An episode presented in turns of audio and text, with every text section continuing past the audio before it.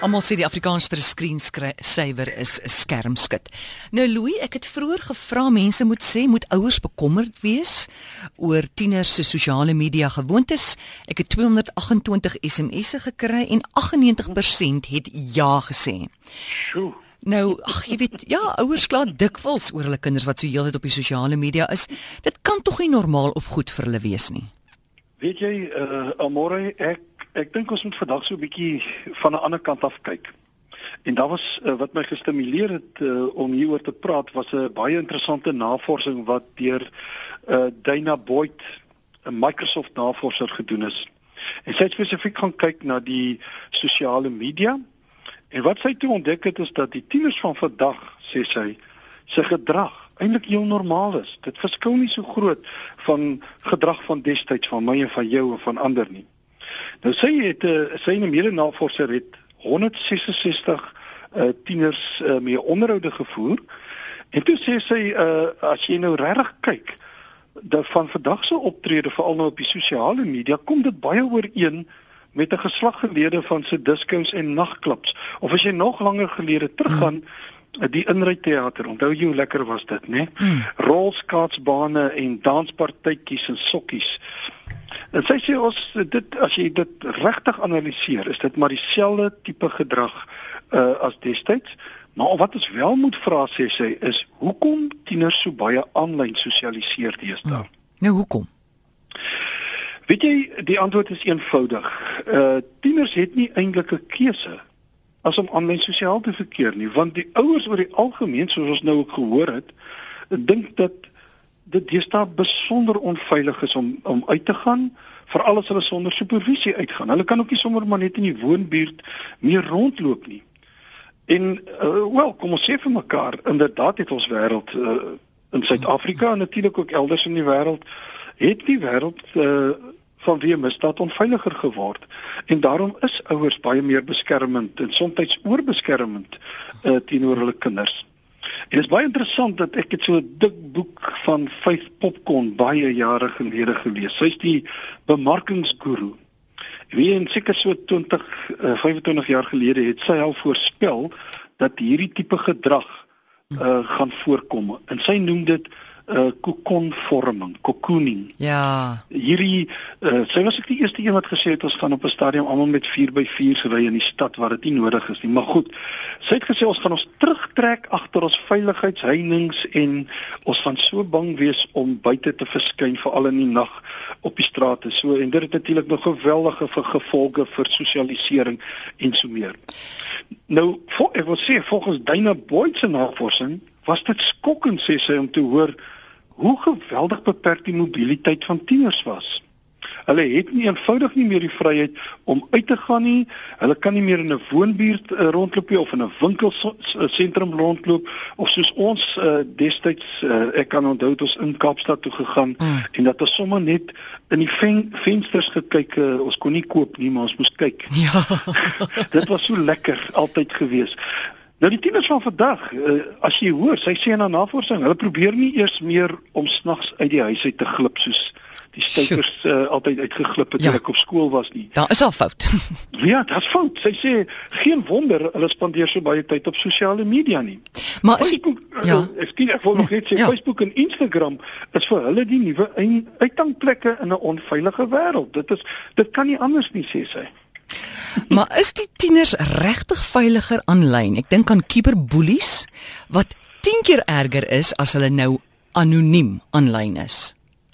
Kyk, ek dink jy's reg dat anonimiteit bring natuurlik uh, gevaar, maar uh, nou weer interessant is dat uh, Dana Boyd se navorsing getoon het, sy het spesifiek gevra oor die hoeveelheid insidente en sy het dit getoon dat boelies aanlyn nie meer as in die werklike lewe aktief is nie die probleem is dis net meer sigbaar of uh, miskien is dit nie 'n probleem nie, maar dit is sigbaar. Dis vir baie meer mense sigbaar. Dit maak baie seer natuurlik uh as dit gebeur en goed gesê word en uh ons weet ook dan van uh, selfmoordgevalle en so meer.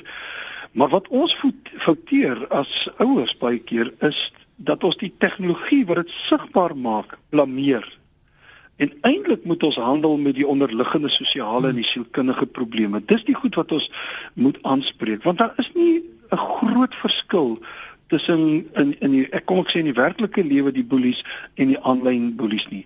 Uh ons moet die probleme wat daartoe aanleiding gee, dit moet ons pak en dit moet ons aanspreek. Soos wat sal daai probleme wees? Wel, uh, sy het nou nie vreeslik daarop uh, op hierdie stadium uitgebrei nie. Sy sê sy skryf 'n boek oor oor dit alles. Maar hoekom uh, ek dink die vraag wat 'n mens moet vra, hoekom het iemand uh, nodig uh, om te boelie? Hoekom? Is dit 'n kind wat gedomeineer word by sy huis? Wat is die rede? Wat is die sielkundige redes agter dit? En uh, sosiaal kan 'n mens gaan kyk. Dit ons lewe in 'n baie geweldige wêreld waar iemand anders se lewe nie meer veel werd is nie. En al die goed het 'n effek en uh, maak ons genoeg uh, voorsiening uh, uh, by skool en elders om die probleme aan te spreek en op te los eerder as om net die tegnologie te sou ek sê te blameer. Hmm. Kom sê dan die privaatheid van tieners. Almal raak hulle pel aanlyn en allerlei vertroulike inligting word gegee. Dis mos gevaarlik. Ja, dit is uh, dit is soos die kinders is natuurlik. maar kom ek sê gou vir jou interessant wat 'n uh, Boyd gevind het. Sy het gesê dis nie korrek nie. Dit mag so lyk vir ons en ons glo verkeerdelik. Baie ouers glo verkeerdelik dat tieners nie vir hulle privaatheid omgee nie, juis omdat hulle nou so aktief op die sosiale media is. Ons ons verwar dit. Maar privaatheid uh, sê sy is nie om geïsoleer te wees van mense nie maar die vermoë om 'n sosiale situasie te beheer en dit is waar op die klem val. En tieners doen dit. Sy sê hulle beheer die sosiale situasie. Dit dit ons mag anders dink, maar gaan kyk sê sy en sy dit uit die vrae vir tieners het sy agtergekom dat as dit sensitief raak, dan skuif hulle die gesprek na 'n private kanaal toe dan uh, gaan hulle nie voort nie. En uh, sy sê ja, natuurlik en ek wil ook sê uiteraard kry ons mos maar die exhibitioniste wat alles uitblaker en alles wys uh, of dit nou aanlyn is en of dit die alledaagse lewe is. Ons ken hulle mos nog toe ons op skool was. Daar's mos maar altyd die mense wat vir jou alles vertel. Al hulle eskapades en alles wat hulle het. Ehm uh, so daar is nie 'n groot verskil nie, sê sy volgens haar navorsing. Nou as ouers van hierdie algemene vrese nou op skei syf. Ag op skei, op sy skuif. ja, hulle staan uiteindelik op skei, maar op sy skuif. Wat moet hulle dan nou doen? Weet jy uh uh Amorey, ek dink die ehm um, die tegnologiese wêreld van vandag het so gevorderd geraak dat ons 'n bietjie verlees staan. Ons uh, ouers is nie altyd uh, op hoogte nie en ons kan nie sommer ons kinders net vertel wat hulle deesdae moet en nie moet doen nie, want hulle weet eintlik meer as ons baie keer. En ek wil voorstel, miskien moet ouers moet ons almal ons taktik verander. Ons moet begin 'n vraag vra. Belangstel. Hoekom plaas jy dit aanlyn? Help my om te verstaan wat wat dit vir jou beteken en wat jy doen. En wat aanlyn gebeur word dan vir ons 'n geleentheid vir gesprek om uit te vind wat in jou kind se kuberlewe aangaan. Jy weet net soos my ma en pa en jou ma en pa ook maar uitgevra het oor wat in jou lewe aangaan. Wat het by die skool gebeur? Wat het toe jy nou vanaand met hierdie afspraak uit was, wat het gebeur? Hulle wil altyd geweet het. Nou ek dink daar's daar's daar's baie geleenthede uh, dat ons met ons tieners kan gesels. Nou hulle partykeer sal hulle oorrol, partykeer sal hulle sê ek wil nie meer verduidelik nie. Uh, dis mos maar normaal op daardie stadium. Maar die een ding is, ons as ouers moet teenwoordig wees, ons moet belangstel.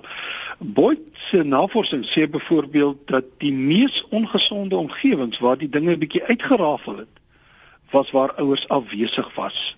En soms sê sy is ouers afwesig, alles hulle daar. Ons ja. het hierdie ouers in die huis baie besig kan nie aandag gee aan die kinders nie. Hy sê in sodanige gevalle uh kan tieners begin om hierdie nuut gevinde vryheid te misbruik. Jy weet uh oor die eeue dink ek is die probleme maar dieselfde. Ja.